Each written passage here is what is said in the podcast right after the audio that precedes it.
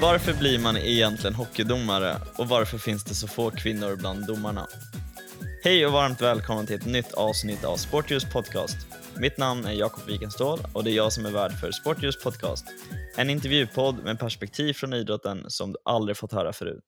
Vi gör en djupdykning i idrottens värld och intervjuar spännande människor om deras karriärer och liv inom idrotten. Vi tar helt enkelt med dig som lyssnar på en spännande resa bakom idrottens kulisser. Idag har vi med oss en ny gäst. Jag ser verkligen fram emot det här samtalet där jag sitter ner med hockeydomaren Anna Hammar. Vi kommer att prata om hennes resa från att spela hockey till att döma hockey samt varför Anna är en av få kvinnliga domare i elithockey. Men en, även hennes roll som säkerhetsdelegat och hur en vecka ser ut som domare. Men låt mig först introducera eh, Anna Hammar. Köpingstjejen Köpingstjejen Anna Hammar växte upp på isen i hockeyklubben Lindén Hockey, där hon levererat både en del mål och assist genom åren. Som 11-åring drog pappa Hammar med henne till en domarkurs då han såg en affisch där man sökte kvinnliga domare till en domarkurs. Och sedan dess har domarrollen varit en del av hennes liv. Hon har redan under sin karriär hunnit med att döma universitets-OS, två JVM och ett VM eh, på damsidan samt självklart en hel del matcher i damhockeyns högsta serie SDHL och i herrhockeyns tredje högsta serie Hockeyettan där hon dessutom har dömt i fem år. Därutöver är hon säkerhetsdelegat för Svenska ishockeyförbundet och samordnare för Hockeyettan Norras domare. Och dessutom pluggar hon på heltid och kommer till sommaren nu 2021 ta civilingenjörsexamen med inriktning industriell ekonomi vid Luleå universitet. Varmt välkommen till Sportljus podcast, Anna Hammar. Tack så jättemycket. Vilken eh, introduktion. Jag hoppas på att det stämde någorlunda åtminstone. Jo, men det gjorde det. Jag har nog aldrig ens reflekterat över mitt eh, hockey-CV om man säger det på det viset. Så det var kul att få följa med från pappa Hammars eh, introduktion av domarvärlden till, till liksom slutet, eller där vi är nu. Så det var eh, superbra. Härligt att höra. Ja, vi kommer såklart komma in mer på, på det jag precis berättade om, men jag ser ju verkligen fram emot att höra mer om, om eh, livet som eh, hockeydomare, men även allt runt om vad det nu innebär.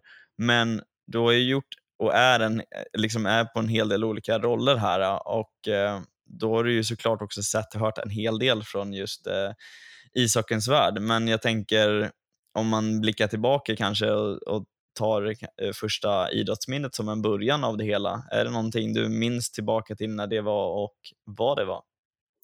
Ja, absolut. Eh, vi hade faktiskt en släkting som kom upp från, eh, han bodde i Landskrona och han var och besökte oss över en helg.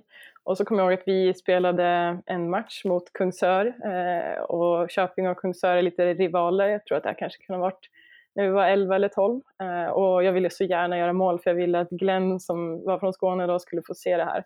Eh, så jag sköt på allting som rörde sig i princip, eller jag sköt mot mål, men jag sköt liksom alla skott jag kunde. Eh, och till slut så fick jag in pucken från att jag står bakom förlängda mållinjen, bakom kassen, och jag skjuter på målvaktens benskydd så den studsar in liksom via hans häl och in i mål. Och jag kan fortfarande se hur pucken liksom gled över mållinjen där. Så det är ett idrottsminne som jag verkligen håller kärt och jag tyckte det var jättekul. Eh, det är nog det enda målet jag också kommer ihåg i, i liksom detalj hur det gick till. Mm, okej, okay, vad roligt. Och gjorde du någon målgest då, tänker jag spontant? det gjorde jag nog. Jag tror nog att jag hoppade, eh, hoppade upp lite och hoppade ner och sen så satte jag mig nog på klubban och åkte, så här, eh, åkte pulka på klubban eller hur man nu ska säga. mm, härligt. Och eh, minns du vad som hände därefter? Var det liksom eh, bara all in på att eh, spela hockey eller vad, vad var känslan runt om det? Jo, men det var det nog. Jag satsade, eller satsade, jag, jag, spelade liksom hockey och tyckte det var det roligaste fram till att jag var 16-17 eh, och sen så sa mina knän stopp eh, och jag har opererat båda knäna nu på senare år och eh, eh jag, ja, men jag tyckte liksom spela var roligare än dömningen men, eh, men liksom kroppen sa stopp så då har jag ju insett nu på senare tid att jag faktiskt tycker dömningen är roligare. Men då när jag var ung så var det, då var det spela som jag tyckte var roligast. Mm, och jag tänker just kring eh, liksom starten där, för att liksom huvud, eh, huvudgrejen med, med dig idag kan man väl säga runt hockeyn är just dömningen. Men ta tillbaka lite vad jag var inne på, så pappa Hammar där så kan man väl säga gav dig en skjuts in till vad du är idag. Men om jag förstått det rätt så var han hockeytränare. Han kanske är det fortfarande idag. Han var det då, bara eh, han slutade när vi slutade ungefär. Okej, okay. och, och då tänker jag just med den här domarkursen. Var det ett tvång från pappa eller var det att du kände lite så här, men det kan vara, vara kul och intressant att gå den kursen?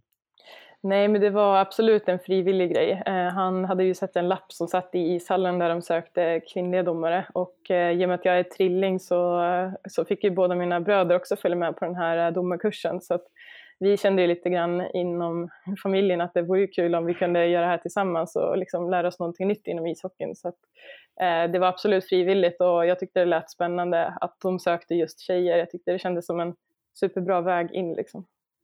Och minns du vad det fanns för möjligheter som, som jag vet inte om man ska säga just då kvinnlig domare, men minns du hur möjligheterna såg ut då? Var det något du tänkte på ens? Ja, eh, rätt så fort så fick jag ju veta att det fanns andra tjejer i föreningen Köping Hockey som också var domare. Eh, en av dem var Caroline Ström och en annan var Linn Forsberg. Eh, och de dömer tyvärr inte längre idag, men då så hade de varit ute på lite uppdrag. En av dem hade varit i Finland och just det där med att hon fick åka till Finland genom dömningen, det tyckte jag lät wow, kan man få åka utomlands liksom? så att jag kommer ihåg att jag fastnade just för den grejen att det här ska jag ge en chans för jag vill också resa liksom, och jag vill se nya saker. Mm.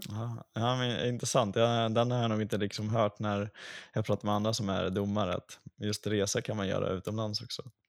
Nej, precis. Ja, men turneringar är ju eh, Eh, det är liksom bonusen på året om man blir uttagen till att åka på någonting sånt. Så att, eh, det fastnade jag för redan då tidigt. Även om det, var, det tog många år innan jag fick åka så, så var det någonting som jag hade i, i liksom, kikaren just när du säger det, det var, du fick vänta några år, kände du då att det var så här, jaha, nej inte i år igen, ja, ja, nästa år kanske?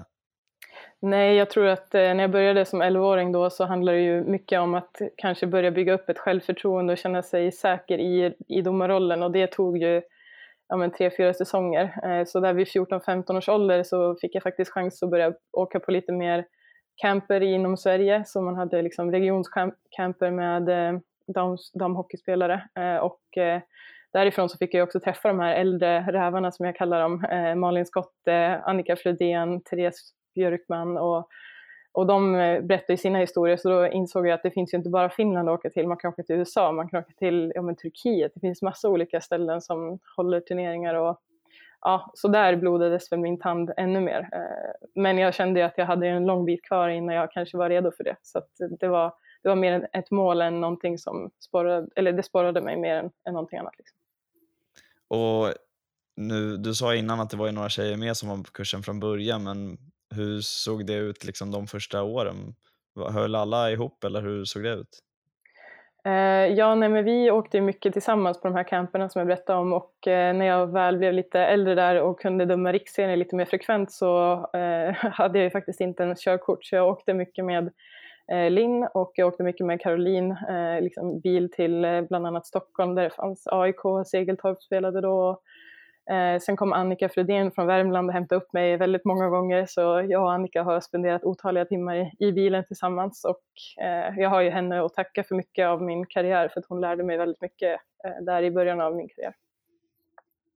Och fördomar kring, kring domaryrket när du började, fanns det något sånt eh, redan då? För jag tänker eh, från ett fanperspektiv så finns det alltid fördomar på ett eller annat sätt skulle jag säga oavsett om det är eh, hockeyspelarna hockeyspelarna, sig själva, lagen eller om det är domarna. Men hur såg det ut, minns du om det fanns något sånt som diskuterades eller du såg på när du började? Ja, eh, i och med att jag fortfarande spelade då när jag började så kommer jag ihåg att våra eh, lagmedlemmar eller de som vi spelade i samma lag som tyckte att vi var lite konstiga som ens vågade ge oss ut på den här, på den här isen med randiga kläder. Eh, så det kanske var någon slags stereotyp att man var tvungen att vara lite speciell för att våga. Eh, och nu på senare år tycker jag att alla yngre domare som börjar, de, är ju, de har ju ett väldigt mod som man ska liksom berömma dem för, för det krävs mycket mod för att göra någonting sånt i så ung ålder. Och jag tror det var det som egentligen mina lagmedlemmar ville säga, men de sa någonting annat. Okej. Okay. Och, och eh, du säger det, mod, är det är någonting du själv kan känna igen, igen dig i, eller hur, hur har du upplevt de första, jag tänker på just de första, första året eller första två åren? Ja, absolut. Eh, jag tyckte det var läskigt och, och till viss del var det liksom obehagligt att döma i början. Eh, för man fick mycket skäll som ungdomare, vilket jag idag ser som helt oförståeligt. Eh, man är liksom 12-13 och dömer, dömer yngre spelare som är kanske bara två, tre år yngre. Och ja, men i och med det så finns det inte ens, det är inte någon längdskillnad att, eh, att trycka på och det finns inte heller någon erfarenhetsskillnad i ishockeyvärlden. Men ändå så får man skäll av ledare och pappor och mammor på läktaren. Eh, och ja, men att ändå gå ut match efter match, det, är ju, det krävs ju ett otroligt mod och också en passion för sporten, annars hade man inte hållit på. Och jag tänker just först, första dömningen, hur, hur upplevde du den och vad fick dig egentligen att, nej men vi kör en, eh, en match till och sen så blir det vidare, men hur var just första? Ja, jag kommer faktiskt inte ihåg så mycket av den. Det blir lite så här som när man får blackout på, på en scen eller när man ska hålla en presentation och känner att allting bara, rummet snurrar. Eh, så jag tror att jag jag har ett svagt minne av att jag stod på blå linjen för jag visste att jag skulle stå där som linjeman. Och så kom väl någon av de andra domarna förbi med pucken och sa, ska du inte släppa pucken? och det är väl det jag kommer ihåg från den matchen i princip. Jag, jag dömde med mycket mer erfarna killar eh, och eh, de hade i princip lånat ut hela sin utrustning till mig så den var ju den var ju för stor på alla håll och kanter. Hjälmen fladdrade runt på huvudet och tröjan var uppvikt tre gånger i ärmarna och, och sådär. Eh, men jag tyckte det var kul och, och framförallt då att eh, de äldre killarna tog så bra hand om mig och, och liksom stöttade mig. Och, eh, även efteråt att de gav en positiv feedback. Det kommer jag ihåg som en, en väldigt kul grej att de berömde en ändå för att man vågade gå ut där. Ja, jag tänker just det, att få den stöttningen oavsett om det är alltså, typ så här, men bra dömt till att det är eh, allt runt omkring. Att det är, man, det är ständigt liksom, ah, men kul är det första gången du dömer och den biten, ah, men hur kan vi hjälpa till hur har du koll på det här och så vidare. Allt det där, jag, har, jag har ju hört och sett en del liksom från eh, speciellt egentligen fotbollen med eh, ungdomar som börjar döma, eh, att det är liksom man får tyvärr höra mer det negativa som du var inne på innan från ledare och föräldrar. Men den måste ju, den måste ju vara så oerhört, ha så stor påverkan just i första dömningarna för att man ska vilja fortsätta. Du har ju fortsatt och kört så många år nu liksom, men den måste ju så, ha så stor inverkan på resten av eventuella domarkarriären. Ja, gud ja. Jag tror att eh, det är nog första matchen och första matcherna som sätter prägen för vilken domare man blir och hur pass eh, mycket man har liksom, att ge inför dömningen. Så att jag hade ett väldigt bra arrangemang runt mina första matcher där vår domare i föreningen, Daifare som det heter, verkligen tog eh, hand om oss nya och såg till att det fanns erfarna domare som kunde ta och ge oss den här stöttningen som man verkligen behöver när man är ny. Och ja, det är jag tacksam för. Eh, han heter Anders Näström och han håller fortfarande på så jag hoppas att det kommer fler stjärnskott från, från Köping ishall snart. Och är just när vi pratar om det, är det vad är det hockeyklubbar, för nu när vi ändå har just det här fokuset, vad, är det, vad kan de göra för att få fram fler eh, hockeydomare? För jag tänker att alla ishockeyklubbar har väl alltid den möjligheten att, att e-, erbjuda en utbildning, att gå en, första domarsteget. Ja, exakt. Det finns ju, det finns ju olika liksom, syften med att utbilda domare i föreningarna. Dels är det att man utbildar sina spelare i regelkunskap Eh, och vissa har det som strategi att de ska utbilda hela sitt lag och så ska de genomföra minst en match för att eh, få insikten i hur en domare tänker men också för att kunna reglerna eh, när man själv spelar. Och det ska ju sen då mynna ut i att, att man får fler domare i föreningen. Men jag tror inte det händer om man inte har den här stöttningen som jag har tryckt på från äldre domare och liksom att man ger en ärlig chans, att man verkligen ser till att ja, men, belysa domarvärlden från en bra sida och inte bara kasta på någon en tröja, för det är en skrämmande värld att ställa sig i. Som, även som ishockeyspelare så är det en helt annan värld, eh, så man måste ha rätt stöttning. Och sen så finns det ju också de som söker sig själva till domaryrket och de tycker jag väl kanske är mest viktiga att fånga upp för har man själv sökt och visat intresse så måste det beaktas på något vis och, och verkligen ja, men fånga upp de individerna och ge dem en, en korrekt stöttning. Och så tycker jag att den tredje saken är ju väldigt viktig, att, att försöka få eh, ledare och publik att inte på något vis påverka en ungdomare. Eh, för det hör verkligen inte till och det hjälper inte. Så att, eh, det tycker jag föreningar nu, nu för tiden jobbar väldigt bra med. De har ju sådana plakat där det står att domaren är också människa och domaren är ung och, och tänk på det när du uttalar dig om någonting kring matchen. Liksom. Så jag tycker det börjar bli lite bättre klimat på de matcherna, men det är fortfarande någonting som man måste jobba ihärdigt med. Då kanske, tragiskt kanske säga det, men då kanske pandemin har hjälpt på så sätt de som, jag vet, det har kanske inte varit så mycket matcher visserligen att döma, men samtidigt de matcherna har, som har dömt har ju varit mindre publik eller människor framför allt eh, runt om matcherna. Så jag vet inte, det kanske känns dumt att säga så, men det kanske har hjälpt. Ja, men det, det är nog faktiskt en bra punkt och jag har nog inte tänkt på det på det viset. Men det kan ju absolut ha underlättat för yngre domare. Jag hoppas att det har gjort det i alla fall. Är man, när man börjar, kör man eh, flera stycken och dömer eller dömer man helt själv på, på matcherna?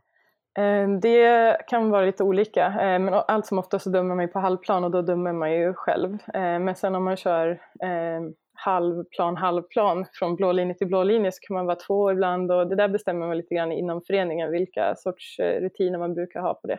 Eh, men jag kan ju föredra, eller jag kan ju förespråka att döma med någon annan just för att få det här stödet ute på isen också.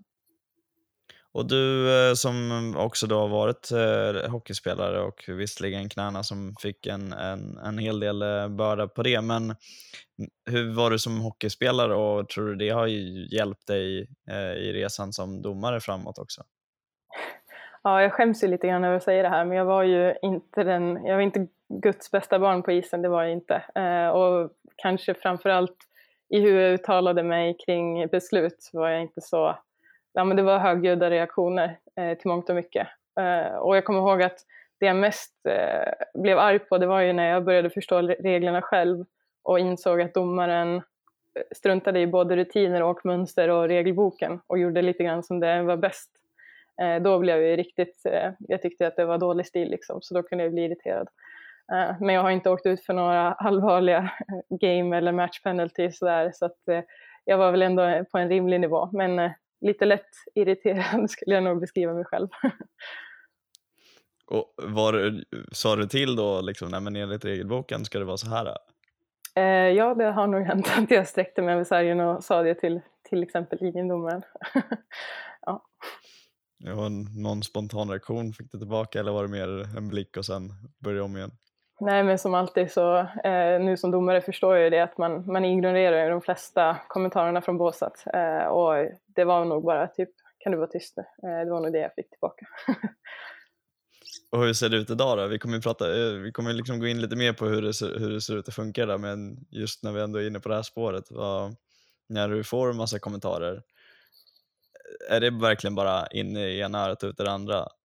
Eh, det beror helt på vilken typ av kommentar det är. Är det någon slags eh, kommentar som jag faktiskt kan svara på, eh, likt en fråga eller någonting, då, då svarar jag allt som oftast om tiden finns. För, eh, många gånger så kommer ju frågan mitt under spel eh, och det finns inte alltid möjlighet att stå kvar och lägga ut ett svar. Men är det bara en, ja, en spelare som häver ur sig någonting och det inte finns någonting att svara på, ja, då kan det nog vara så att jag bara ryter ifrån eller helt enkelt låter det passera. Och jag tänker så här då, om man, jag har haft jättesvårt när jag skulle, liksom, okay, hur ska jag skriva ner ens frågan? Om man säger, hur ser en arbetsvecka ut för dig? Är det rimligt eller ska man kanske säga, hur ser en domardag ut? Eh, nej men båda två är väl bra tycker jag, men en arbetsvecka om vi börjar på den nivån så brukar det vara ungefär två till tre matcher eh, och då brukar speldagarna vara onsdag, lördag, söndag. Eh, så att en matchvecka när det är tre matcher, då, då är det ju lite mer att man måste planera med både tvätt av utrustning, mat och annan träning. Eh, men är det två matcher så finns det lite mer utrymme till att eh, ta det lite mer piano.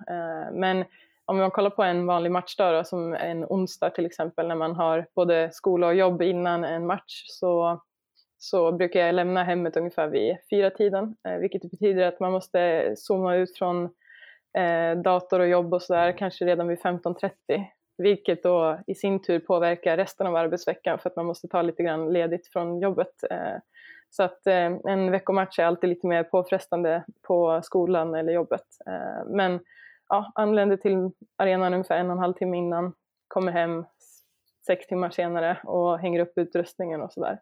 Och på lördagar och söndagar så spelar man ju oftast vid fyra tiden så då har man ju både tid för en sovmorgon, en bra lunch och sådär. Så de är, de är lite lättare att hantera rent liksom, eh, vardagspusselmässigt.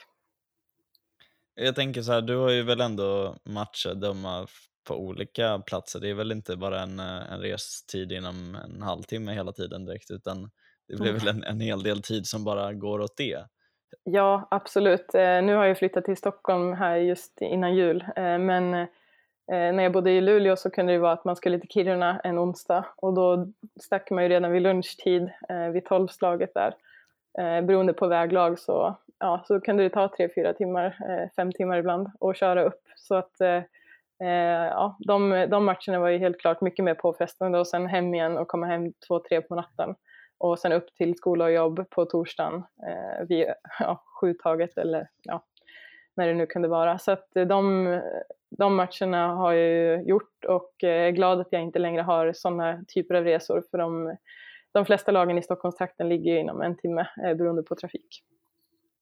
Och i, i, liksom, genom de här åren när du då har pluggat, och gör ju det fortfarande, men hur hinner man, hur, hur hinner man med egentligen just liksom resorna och vardagen där? Du var inne på det med, med tiderna, men är det verkligen, liksom, eh, vad har ditt knep varit för att hinna med allting? Är det liksom planering in, in minut för minut eller hur, hur klarar man det? Jag fattar ju att pandemin och skolupplägget eh, kanske har ju varit lite annorlunda eh, nu då, men hur har det varit genom, genom de här åren? Hur hanterar man just resan och vardagen, eh, plugg, men även dömning?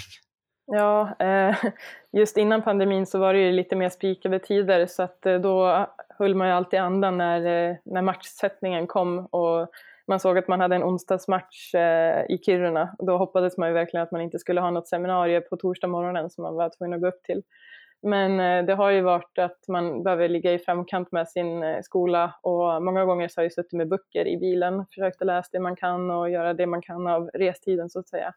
Eh, men andra gånger så har det helt enkelt varit att lägga ambitionsnivån på, på en så rimlig nivå som möjligt och inse att jag hinner faktiskt inte allting om jag ska satsa på både min domarkarriär och min skolkarriär så att säga. Så att det har helt enkelt varit en ja, en prioritering mellan vad som är viktigast för stunden eh, och försöka att eh, utvärdera den prioriteringen löpande. Och, och just liksom när det kommer till um, dömningen i sig själv, alltså det är, in, det är klart inte bara dömningen, det är ju väl allt runt, runt omkring också, kring hela processen. Men var, har det varit samma saker för dig från att du började, eh, lite vad du var inne på tidigare med resorna, eh, men vad har det liksom varit för grejer, eller är det fortfarande idag som är det, är det här som gör att jag drivs så mycket av just att eh, vara hockeydomare och, och vara ute på isen och, och åka runt tvärs, tvärs över världen? eh, nej men det har nog förändrats lite grann eh, med tiden eftersom man har bytt serier och sådär så finns det nya tjusningar med liksom, dömningen men eh, just nu så drivs jag mycket av att, eh, att jag får jobba med mina kollegor ute på isen. Jag tycker det är jättekul att eh, försöka fokusera på teamworket mellan oss eh, tre och, eh, och framförallt också att man är en del av sporten, eh, ishockey. Jag tycker det är superkul att eh, de matcher som man verkligen känner sig en del av båda lagen och en del av matchen, de är de allra roligaste. Eh, där man både kan få eh, känna att man liksom knyter an med spelare samtidigt som det alltid, har, liksom, alltid finns en distans till spelare så kan man samtidigt också se till att ha kul tillsammans. Eh, det tycker jag är väldigt, eh, det är det som liksom driver mig och kan få mig att längta till nästa match. Och just som du säger där, att det är kanske den nya serien som har varit genom åren ger kanske lite ny trigger för att man ska, okej okay, vad är det som gäller nu, hur gör man det här på bästa sätt? För att jag antar att inte varje match och, och eh, nivå eller division är sig lik. Nej, precis, det stämmer ju. Inför i år så gick jag upp till eh, att vara B-licensrankad från, från förra året då jag var C-licensrankad. Eh, och den skillnaden innebär egentligen att man ska satsa mer mot allsvenskan eh, så småningom och eh, man ska få lite mer coaching och lite mer eh, eh, fyrdomarsystem till viss del och sådär. Eh, och nu uteblev det till viss del när eh, superelitserien stängdes ner i, ja, i höstas. Eh, men, men det var en väldig liksom, en push i, i min karriär att ändå få hoppa upp ett steg och känna att det går framåt. Så att eh, hela den här säsongen har ju varit, den har varit väldigt kul på så vis. Man har ju fått jobba med andra kollegor också i och med att jag flyttade och ja, genom att man tar sin egen utveckling på allvar och verkligen försöker att eh, leda sig själv genom sin utvecklingsprocess så kan man ju hitta utvecklingspotential i nästan alla situationer, vilket leder till motivation, i alla fall för min del. Sätter du egna mål då för typ varje säsong? Det här ska jag fokusera på att utveckla tänka eller gör man det med de man dömer med eller hur, är det, hur funkar det? Ja, alltså det där skulle man ju alltid, det där kan man nog alltid säga att man kan bli bättre på, men vi gör det i, i början på augusti eh, på våra kurser så sätter vi mål tillsammans med den som vi har som mentor, eh, alltså den som vi har som coach. Eh, och eh, sen är tanken att man ska utvärdera dem då nu i slutet på säsongen.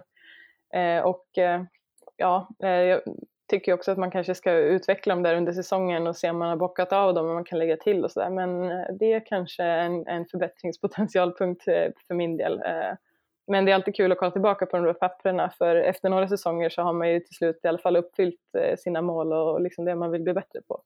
Så att ja, det jobbar vi på. Men jag tror att man alltid kan bli bättre på just den biten.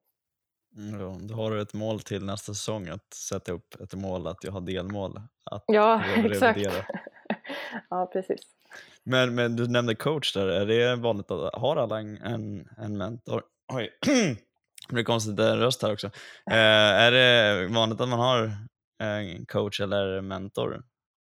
Ja, alla som är i på förbunds, eller alla som är i vilken serie som helst har någon att eh, förlita sig till som är liksom Eh, ansvarig för den gruppen. Eh, så att, eh, jag är i en lite mindre grupp nu när vi B-rankade eh, och vi har en mentor som jag tror sträcker sig över 10 pers ungefär. Och, och sådär. Så att vi, vi kan alltid vända till den och fråga hur, hur den ser på vår utveckling och sådär. Men ja, ytterst så handlar det om att man själv leder sin utveckling. Men man ska kunna bolla med den personen. Så, ja. Och du var inne innan på att du har gått precis från C-licens till B-licens för de som inte riktigt eh, hänger med B-licens och C-licens, vad, vad innebär det och vad börjar man ens med och hur går man till nästa steg? Ja, eh, när man börjar när man är liksom ung eh, så börjar man på föreningsdomarnivå eh, och då dömer man upp till, nu måste jag hålla tungan rätt i mun, det här kan ha ändrats, men vi säger att man dömer upp till J18 ungefär nej det kanske man inte gör, U16. Eh, och sen efter det så finns det ett steg som heter region eh, och då kan det skilja sig lite genom vårt avlånga land. Eh, men där dömer man väl upp till ungefär division 2 herrar. Och sen finns det en indelning som heter dam och de dömer SDHL och, och där så ingår också förbundsdomare C. Förbundsdomare C dömer alltså SDHL och Hockeyettan eh, och till viss del eh, J20 Superelit också.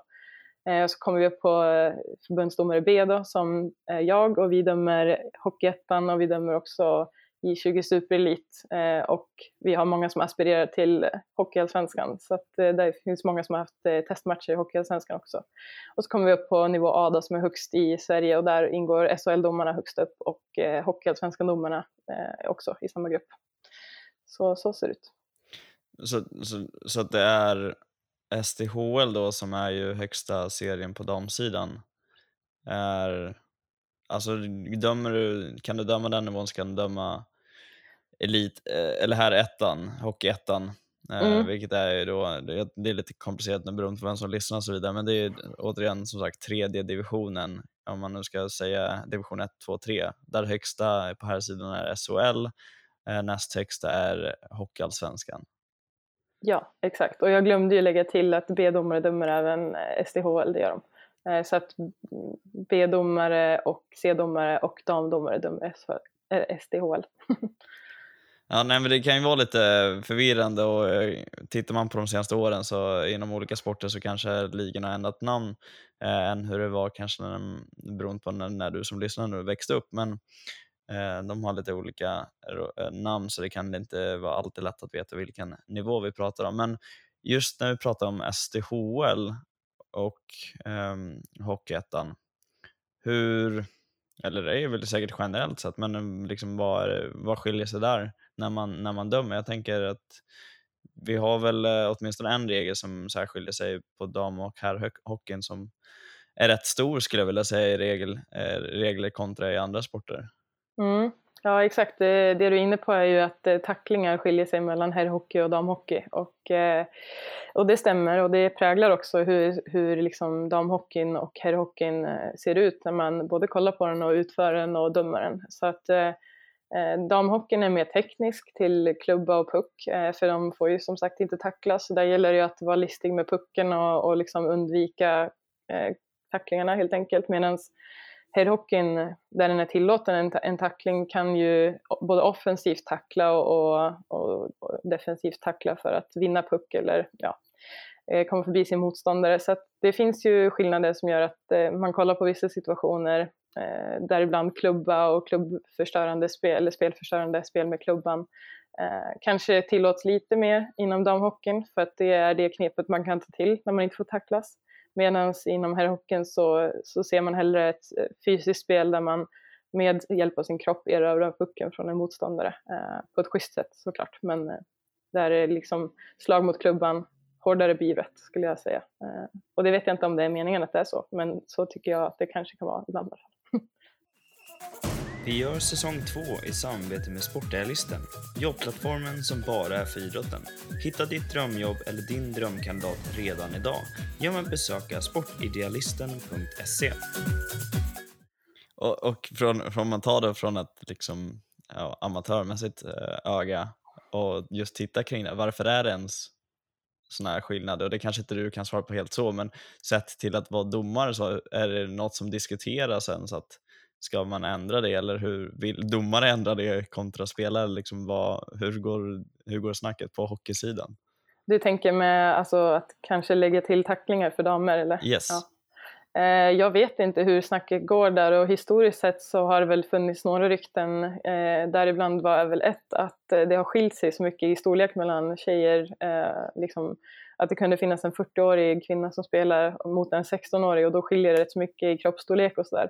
Det kan vara en anledning och sen senaste helgen så hörde jag faktiskt att det har med att tjejerna har en livmoder som kan komma till skada vid tacklingar och det tyckte jag ju kanske också lät logiskt men eh, om det finns på tal att eh, införa tacklingar det har jag faktiskt inte riktigt koll på. Eh, det tror jag inte för jag tror kanske att det snarare är så att man ska kolla på om vi ska ta bort eh, vissa tacklingar från herrhockeyn för att minska bland annat huvudskador och, och hjärnskakningar. Ja, men intressant. Det, jag kan nog, ju från kanske mitt egna perspektiv, men jag kan ju tycka att det, det enda man hör är i så fall eh, varför är det inte samma regler? Men aldrig, det du sa med helgen är ju något som liksom jag inte, inte riktigt hört på det sättet, slash det du sa med att kanske ta bort på här sidan i så fall. Mm. Det har oftast liksom varit varför är det inte som eh, och så vidare. Ja, precis. Nej, men det är intressant och eh, jag, vet, jag har aldrig kunnat läst mig till någon slags förklaring utan det är bara mer vedertaget. Jag tror att de enda som debatterar kring det, det är nog de som kollar på hockeyn. Jag tror att det är, för damerna så tror jag inte det är eh, någonting man diskuterar utan man vet att eh, vi spelar mer teknisk hockey och killarna tacklas mer. Liksom. Och du, du är ju på din nivå, om jag förstått researchen rätt här, du får ju rätta mig om jag fel, det är du som är, har, har mer kunskap kring det, men är det så att du är en av två av 121 domare som dömer Hockeyettan som är en kvinna? Ja, det stämmer. Och det får mig att tänka just kring så här, men okej, okay, två av 121, hur kan det inte vara fler? Eh, eller jag vet inte ens hur man ska ställa frågan, det låter flummet men samtidigt, hur, vad tror du det kommer sig att det är så? Eh, ja, jag vet faktiskt inte vad eh, anledningen är men eh, det finns ju vissa fystester om man ska börja i den änden som, eh, som vi som dömer herrhockeyn måste klara av. Eh, och de är oberoende om man är tjej eller kille så vi klarar exakt samma tester som killarna. Eh, så det är ju en tröskel att ta sig förbi för en damdomare. Eh, men sen så handlar det också om om man har den aspirationen. Vill man döma herrhockey eller vill man döma SDHL enbart så där får man ju såklart också göra ett val. Eh, och eh, jag ja, vill ju då döma herrhockey också så att jag, jag har alltid satsat på att klara testerna för Hockeyettan och testerna för B-domare och sådär. Så att, eh, eh, jag tror nog inte att det är någon på Hockeyförbundet som säger nej till en tjej som vill döma herrhockey utan det handlar mer om att det ska vara en viss nivå eh, på den här ligan och då, då ska man klara tester och det ska vara rätt på regeltester och så vidare. Så att helt enkelt så som det ser ut just nu, vad som krävs för testerna så kanske inte det är jättemotiverande för, för de flesta kvinnorna där ute? jag vet inte om man skulle säga att det inte är motiverande men jag tror nog kanske att vi måste bli en större grupp damdomare för att kunna plocka in till herrserierna. För just nu är vi så pass få damdomare i hela Sverige så att det är inte riktigt rättvist att säga att de inte har tagits in i Hockeyettan för att det måste finnas lite fler att plocka av i sådana fall eh, för att vi vill ha dem i SDHL också. Liksom. Och du nämnde testerna. Det är säkert jättesvårt att ta det just så här muntligt, men vad, kan du ge någon liten inblick på vad är det för egentligen sorts krav när det kommer till test, testet att vara elitdomare? Mm, eh, vi gör ett eh, test på is eh, nu för tiden som eh, går ut på att man åker eh, tvärs över isen väldigt många gånger eh, och man ska få en tid på 55 sekunder ungefär. Eh, det är fyra vändor fram och tillbaka över hela isen eh, om jag inte minns det fel. Och man får en otrolig mjölksyra i benen och det där ska man klara av fyra gånger om jag inte minns det fel. Men det är i alla fall en mjölksyra, ett mjölksyretest i benen och i flåset för att hålla rätt kondition. Eh, och sen har vi såklart ett regeltest också och vi har eh, ett tekniktest på skridskor eh, på isen där man ska visa sin skicklighet på liksom, skridskoteknik. Eh, och sen har vi lite fystest som är armhävningar, situps och sådana saker. Men det mest krävande är ju regeltestet och, och det som vi kallar dusttest, det som är tvärs över isen-testet. Om du fick välja en av dem, vilken hade du tagit? Regelboken eller eh, kors tvärs? jag, jag är inte en förespråkare av DAS-testet. Jag eh, springer hellre ett eh, Cooper-test som vi hade förr i tiden. Så att jag skulle nog säga att regelboken är det jag tycker är minst eh, ångestladdat. jag förstår. Hur mycket ändras det i reglerna år till år? Är det likadant hela tiden? Nej, det, vi har faktiskt regelår eh, så att eh, vart fjärde år så är det regeländringar och då är de rätt så stora. Eh, och så kommer det såklart korrigeringar från år till år däremellan också. Men det beror lite på hur internationella regelboken ändras för vi ändrar mycket efter den. Då, vi vill ha en hockey som är lik den så att spelarna slipper ställa om inför VM och så vidare. Och du är ju då linjedomare. Och mm. så finns det huvuddomare. Vad är skillnaden? ja, eh, jag ska faktiskt berätta en sak som jag såg i helgen. Det var ett citat eh, där det stod bakom varje grillande man så finns det en kvinna som har gjort allting. Och då tänkte jag, bakom varje huvuddomare så finns det en linjedomare som har gjort allting. Men eh, ja, det är inte så stor skillnad egentligen. Vi gör också samma sak egentligen, vi kollar på situationer på samma sätt.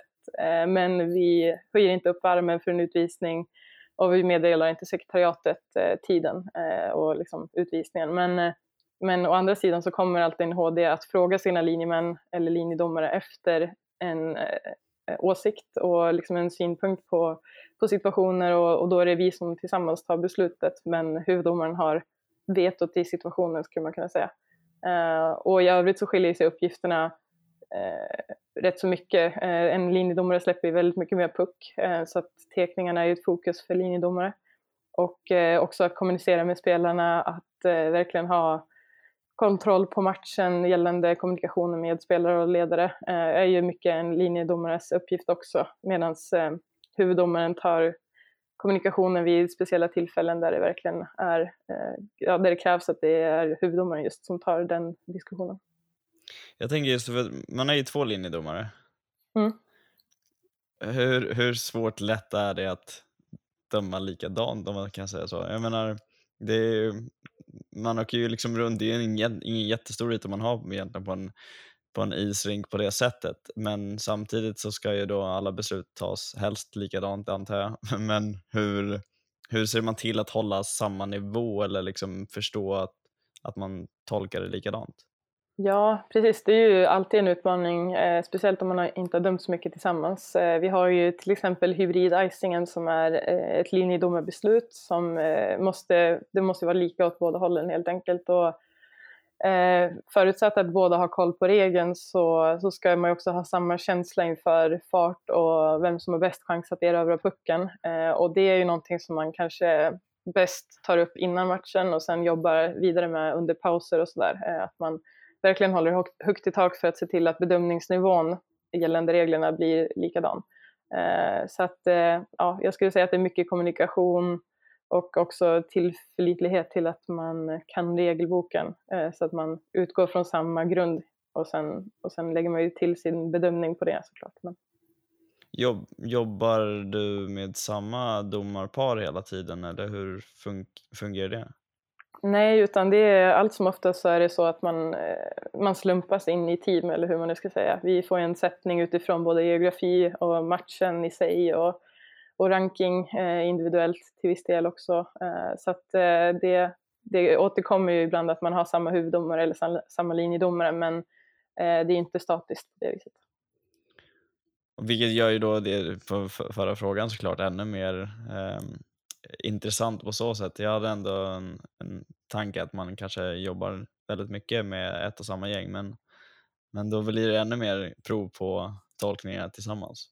Ja, precis. Och det har ju varit eh, en liten utmaning nu när jag bytt eh, serie så har det varit eh, 30 nya domare att lära känna här nere i Stockholm. Och då har jag verkligen försökt att lägga vikt vid att när man kommer till arenan en och en halv timme innan, att försöka lära känna personen, att försöka verkligen ha en bra matchgenomgång för att se att man ligger på samma nivå gällande saker och ting. Och så får man ju också vara väldigt ödmjuk inför att nu ska vi lära känna varandra. Och samtidigt så får man inte låta det gå ut över matchen på något vis. Eh, men man, man måste ju verkligen vara eh, öppen och ärlig med det man tänker och tycker så att man kan lägga sig på en bra nivå tillsammans.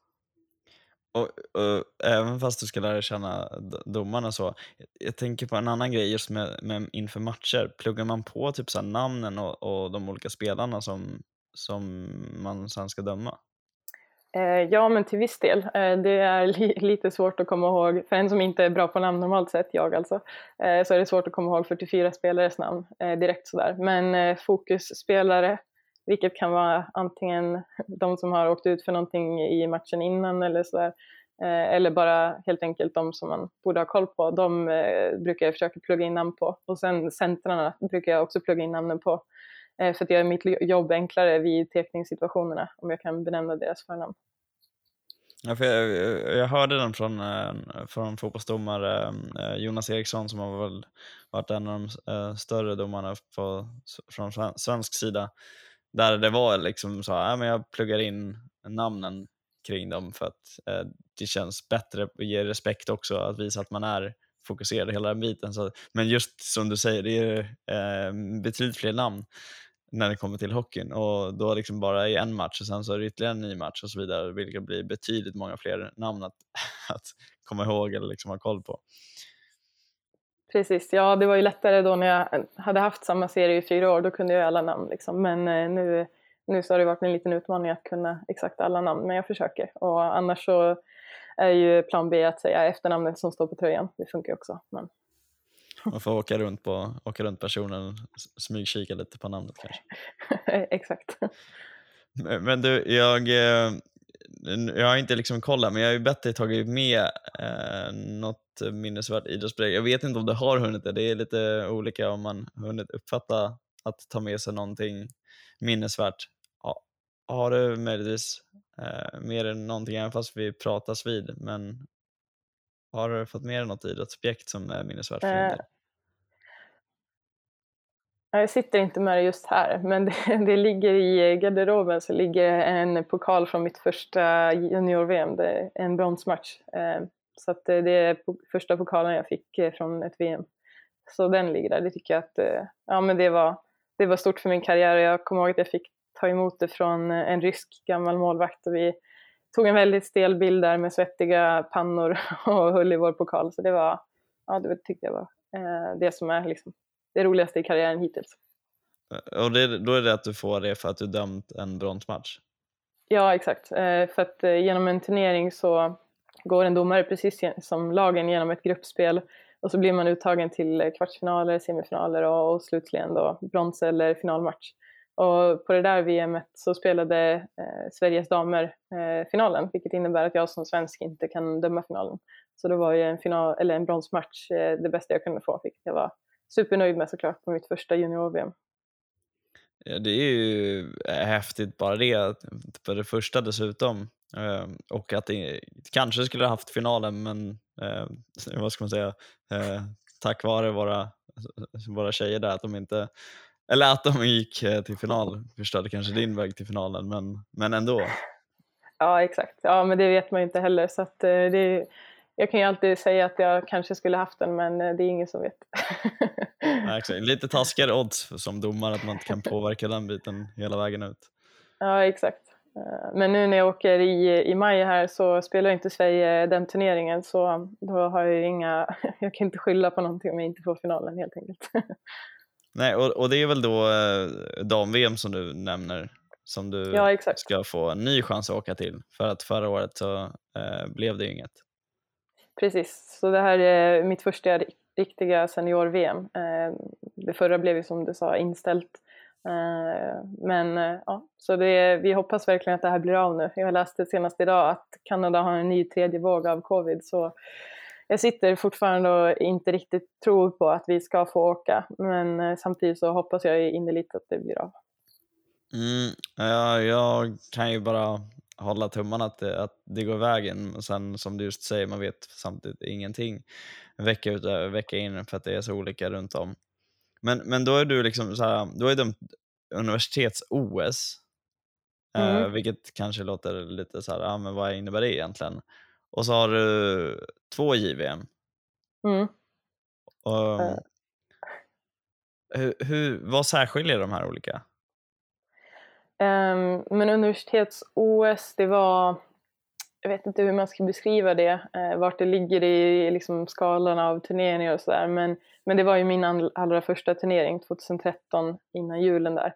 Och sen 2014 så åkte jag på mitt första eh, världsmästerskap, men det var ett eh, världsmästerskap på B-gruppsnivå heter det. Eh, så att det var liksom en lägre nivå av, eh, av världsmästerskap och sen eh, om man kollar på de som är högst rankade istället då, det är kanske lättast, då är det ju junior-VM och eh, dam-VM, där dam-VM såklart är, högst rankat, men de tillhör A-pool heter det. Eh, och, eh, eh, så att första gången jag fick åka på ett junior-VM så hade jag ju liksom då hade jag en A-licens internationellt eh, och den har jag ju behållit genom de här åren då. Ehm, och eh, det är endast om man får den här A-licensen som man har möjlighet att ens bli uttagen till att åka på VM. Eh, nu glömde jag bort din fråga faktiskt, men eh, hoppas jag svarar på det. Var lite, det var lite skillnader på, på de olika turneringarna internationellt som du varit med om.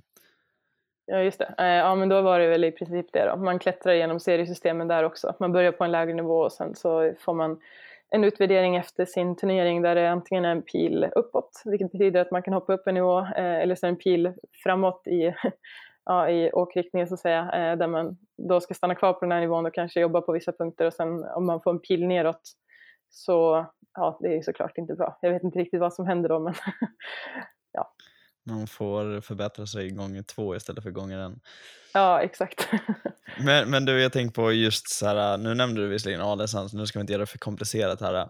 Eh, så vi kanske ska låta det mer vara så att man går in i internationellt eh, med en licens där det är egentligen där utifrån den prestationen som man kanske kan klättra i licensrankningen internationellt sett. Ja, exakt. Det gäller ju att, eh, att göra bra ifrån sig på sina turneringar och eh, det är kanske en sak som inte eh, så många vet om men men att vara domare handlar inte bara om det man presterar ute på isen. Det handlar också om vem man är i gruppen i stort. Eh, för att på en turnering så har man inte heller fasta team där man dömer med samma personer utan man rullerar genom hela gruppspelet med olika.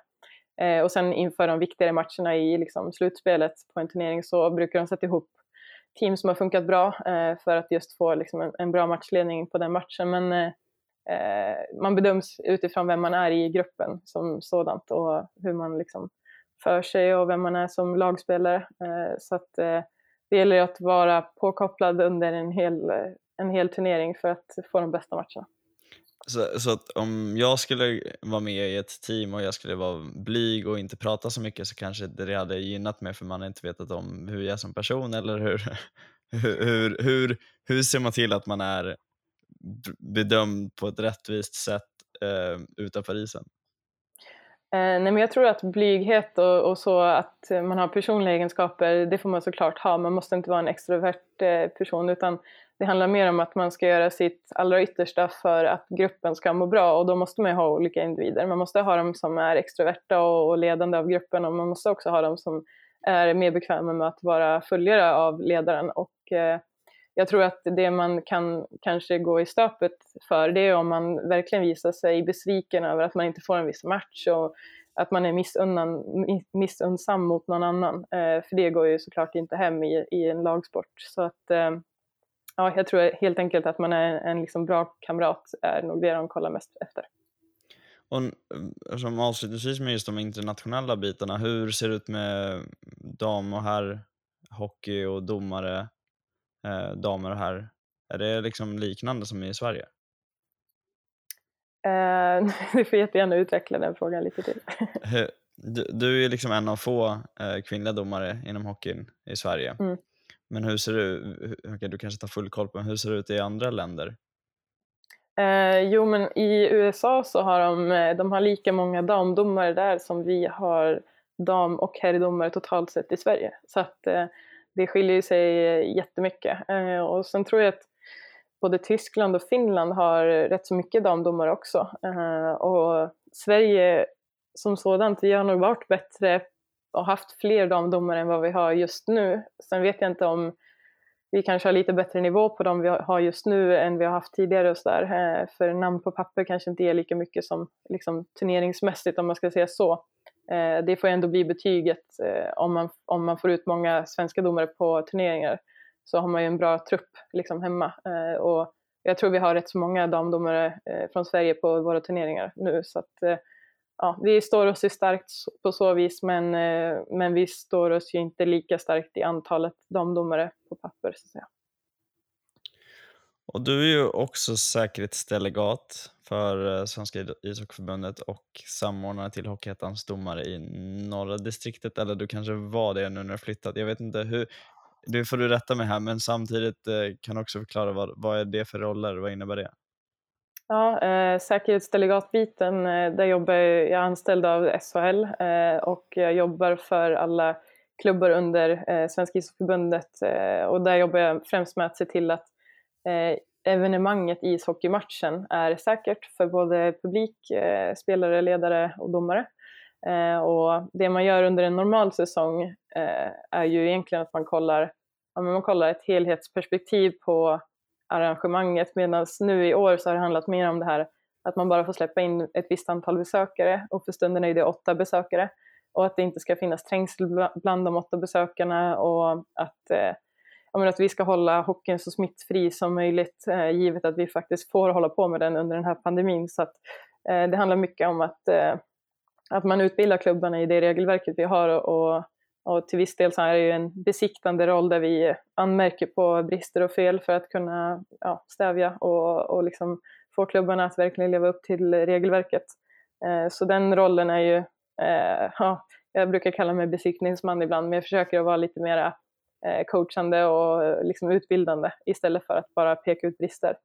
Eh, och sen den här samordningsrollen, den har du mycket rätt i, den eh, har jag släppt lite grann nu när jag inte bor kvar i norr längre. Eh, men det var en roll där jag egentligen såg till att våra norrdomare hade det så pass bra som möjligt gällande eh, hanteringen av eh, spelare eller ledare eller supportrar som kontaktar dem efter matcher i, i samband med deras uppdrag som domare för att liksom hålla den biten borta från sporten. Så vi gjorde ett par anmälningar på supportrar som kontaktade domarna och tycker det fick stor genomslagskraft i, liksom, i stort för det när vi väl anmälde och försökte att liksom hålla oss ifrån eh, supportrar som vi visste var problemat problematiska för vår grupp så minskade liksom hoten som kom in till gruppen. Så att, eh, det var en spännande roll men eh, den har lite grann blivit åsidosatt nu när jag flyttat ner. Och då var det liksom allt från att det var på bloggar till sms till samtal till eh, sociala medier, kommentarer? Ja, exakt. Allting som kan knytas till att domaren är domare eh, försökte vi som organisation att beivra då. Så att eh, när vi visste att vi hade någon som brukade kontakta domare så eh, blockade vi dem eh, och såg till att det, den vägen inte gick liksom. Att det blir svårare för dem att nå oss på det viset. Så eh, lite sådana åtgärder och sen också att vi hade liksom kopplingar till en, en speciell polismyndighetsgrupp som vi kunde anmäla våra ja, händelser till så att säga. Det är superbra att det, att det finns. Jag antar att det är någon annan som får axla den, den rollen du hade. Så att ja. det fortsätter finnas. Absolut. Men du, förebilder tänker jag. Du har ju nämnt lite namn tidigare här, men hur, hur såg det ut med förebilder från början? Du kanske hade mer ishockeyspelare som förebilder eller du kanske inte ens hade förebilder inom, inom ishockeyn när du växte upp. Eh, hur, så, hur såg det ut när, när du var mindre? Ja, eh, men jag tror nog att de här eh, som jag nämnde tidigare, Annika Flodén och Therese Björkman var nog de som jag såg upp till i min domarroll och eh, så, såklart så har jag haft eh, spelare som jag tyckt varit bra genom, genom liksom min unga karriär men eh, ja, jag fattade rätt fort att en domare ska vara opartisk så jag har faktiskt lyckats eh, och inte snappa upp något speciellt lag som jag har någon speciell känsla för på så vis. Så att, eh, ja, men jag har följt eh, Annikas karriär väldigt eh, noggrant och, och även Therese Björkman. Och hon, hon är numera coach, så det är lite kul att hon kommer ut och coachar när vi dömer. Så kan man få hennes tips och tricks. Så att, och nu för tiden så är det faktiskt kul att min storebror, nej, min lillebror Joel, han dömer i Hockeyallsvenskan. Så han ser jag upp till nu för tiden. Jag tycker att han är skitduktig. Så att, det är kul att vi har den gemensamma nämnaren. Och då storebror som du nämnde också, han har slutat med dömningen då eller? Nej, han dömer faktiskt fortfarande i eh, Hockeyallsvenskan. Han är nummer 95 på ryggen eh, som linjedomare. Så att, så att alla ni är fortfarande liksom, ja, fullt aktiva? Ja, eh, jag har ju då två bröder, jag är trilling. Så att eh, Joel är 12 minuter yngre än mig och Erik är 6 minuter yngre än mig. Men eh, Erik slutade faktiskt döma för två år sedan men tills dess så var vi nästan aktiva i, i Hockeyettan samtidigt. För Joel gick upp samtidigt, han gick upp till Allsvenskan samtidigt som jag gick upp till Hockeyettan så vi missade varandra på dagen nästan kan man säga. Eh, men ja, innan dess hade vi kanske kunnat varit eh, på samma match. Liksom. Ja, det, det hade ju varit eh, häftigt men du, du kan väl fortfarande, det finns fortfarande möjligheter för dig att döma med ena brorsan eh, framöver ja. tänker jag. Absolut, och det, det skulle ju vara någonting speciellt. Eh, det skulle vara mitt bästa hockeyminne som jag skulle ta med mig till nästa podd med dig. Ja, det hade, jag ser fram emot att höra, höra den uh, upplevelsen. Men mm. du, uh, så här på sluttampen, uh, hockeyn och, och regelverket som vi varit inne på lite. Är det någonting som du vill se förändras kring hockeyn? Kan det vara liksom någon regel du vill ta bort, ändra eller vad, hur ser det ut? Oj, eh, ja, men jag tycker att det är, eh, det är supertråkigt när spelare blir långtidsskadade och det händer ju allt som oftast när det, när det är liksom kraft mot huvudet. Eh, så jag skulle helst vilja ha bort alla former av huvudtacklingar. Eh, men jag tror inte att vi kan få det med hjälp av en regel egentligen utan det handlar om en, ett helhetsgrepp om eh, hur vi utbildar våra spelare från ung ålder. Att det är någonting som verkligen måste bort och jag tror att det har växt bort väldigt mycket nu på senare år att, eh, att man verkligen fokuserar på att tackla på rätt sätt för att inte skada men, men vinna puck. Liksom. Eh, så jag skulle ju helst se att ingen blir skadad av hockeyn utan har ett normalt liv även efter en lång karriär. Och nu när du har chanserna, vad, finns det något du vill dela med dig till andra som funderat på att bli domare eller är eh, fortfarande i, antingen i början eller i mitten av Men jag tänker vi riktar oss mer mot de de som eh, antingen har barn som ska börja döma eller kanske vill fundera på det till att de som precis har börjat sin domarkarriär? Ja, absolut. Jag tänker att det, det finns väl två delar av det här egentligen. Den ena är att ta ansvar för sin egen utveckling eh, och sträcka ut en hand för att eh, kanske få coachning av någon. Eh, jag ställer ofta upp på coachningar eh, och, och liksom kollar på yngre domare om de vill ha med hjälp. Jag tycker det är superkul. Eh, men den andra är ju också att, eh, att man ser till att börja i en klubb där man kan få stöttningen eh, lite mer naturligt kanske med en bra dajfare och sådär. Så att, ja, jag, jag vill trycka på att man driver sin egen utveckling. För det, det är till mångt och mycket en individuell sport om man ska vara krass på det viset.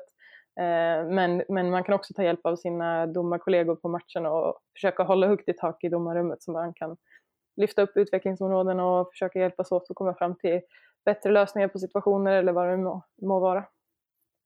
Superbra. Och lite mer kanske off the topic från dom, dömningen, men har, har du um, rekommendationer och tips på med podcast eller böcker? Jag vet, du kanske inte hinner med dig allt som du ska hinna med om? Uh, ja, men jag är faktiskt uh, lite av en börsnörd, uh, så jag lyssnar på börspoddar. det är kanske inte är jätteintressant för de som sitter och lyssnar här, men det finns en som heter Börspodden bland annat. Mm. Nej, men det är det. det är inte alltid att man just lyssnar eller konsumerar det man själv utövar. Så att det är fullt logiskt tycker jag att du har något utanför hockeyn också. Mm, vad bra. Och, och, jag tänker så här, de, de, som just nu lyssnar och eh, vill eh, följa din resa eller ta reda på mer eller kontakta dig rent av eh, för att lära sig mer. Hur, hur kan man göra då för att eh, komma i kontakt med dig? Eh, ja, men jag har startat ett eh, Instagramkonto nyligen så att det är bara att söka på Hammar Referee där. Eh, söker ni på Anna Hammar så tror jag att det dyker upp ett konto för dömeriet så att det är bara att följa eh, och skriva till mig om ni har några frågor. Eh, men vi håller det på en rumsren nivå så inga frågor om eh, ditten och datten men eh, jättegärna följa mig för att få tips om er karriär. Jag kan själv eh, intyga att eh, det är väldigt intressant att följa med och få en inblick i hur, hur det funkar. Eh, och eh, Jag tycker du sköter det väldigt bra med slänger ut eh, frågor eller funderingar där man sen kan skicka in hur man själv tänker. Eh, så det har varit jättekul att följa det och vi lägger självklart in det också i i avsnittsbeskrivningen här när du lyssnar så kan du lätt klicka in det på det och hitta just kontot som du nämner Anna. Super, det är superbra och eh, finns så mycket mer egentligen, men eh, nu vi har ju pratat en, en lång stund där så jag tänker vi ska också låta dig hinna med allt annat du, du har för dig. Men jag vill verkligen tacka dig Anna för att du tar dig tiden och att för du delar med dig av just eh, din resa och din berättelse och eh, det finns ju såklart mycket mer där men det finns mycket inspiration att hämta för, för andra framtida domare eh, att ta efter. Så mm. tusen tack för att uh, du, du är med. Ja, tack så jättemycket för de fina orden. Uh, det värmer verkligen och det är bara för yngre domare att kontakta mig ifall ni vill ha hjälp och stöd. Uh, för det är någonting som jag verkligen tycker är kul. Och ja, med det sagt så vill jag önska dig en fortsatt strålande dag och lycka till med, med den fortsatta resan. Vem vet, det kanske blir en match att döma eller fler med, med brorsan. Eh, vi håller tummarna för att det blir eh, VM, men, men främst att du också får fortsätta att resa och göra det du tycker är kul med att vara på isen. Tack så jättemycket Jakob. Sköt om dig Anna. Detsamma. Och eh, stort tack till dig som lyssnar på den här veckans avsnitt av Sportljus podcast. Jag hoppas du har gillat det lika mycket som jag har. Det finns så mycket att lära sig från Anna. Allt ifrån modet som liten, finnas där och stötta eh, från eh, ledare och eh, föräldrar. Eh, all, bara finnas till egentligen och eh, helt enkelt eh, ha en utveckling av hockeyn i sig själv, i sig självt och skapa en bra miljö. Det finns även mycket mer som Anna har berättat, men eh, som du vet, gillar du verkligen det här eh, så är det bara att lyssna om det igen. Och, och innan vi avslutar, eh, glöm inte att prenumerera på podden om du inte redan gör det för att missa nya avsnitt. Och gillar du podden, och vilket jag antar att du gör nu när du lyssnar här fortfarande, så får du jättegärna ge oss ett omdöme, för det hjälper oss att nå fler som dig att nå hit till podcasten Sportljus podcast. Och vill du veta mer om Anna och livet som hockeydomare så hittar du som sagt eh, kontaktuppgifter i avsnittsbeskrivningen. Eh, oavsett vilken podcastplattform du lyssnar på just nu så är det bara att klicka in, kolla in avsnittsbeskrivningen där så kan du kika in mer på livet som hockeydomare från Anna. Slutligen, du är alltid välkommen att höra av dig till oss eh, med feedback, förslag på gäster via vårt Instagram Sportviews podcast. Med det sagt får jag önska er alla en fantastisk dag. Ha det så bra. Hej!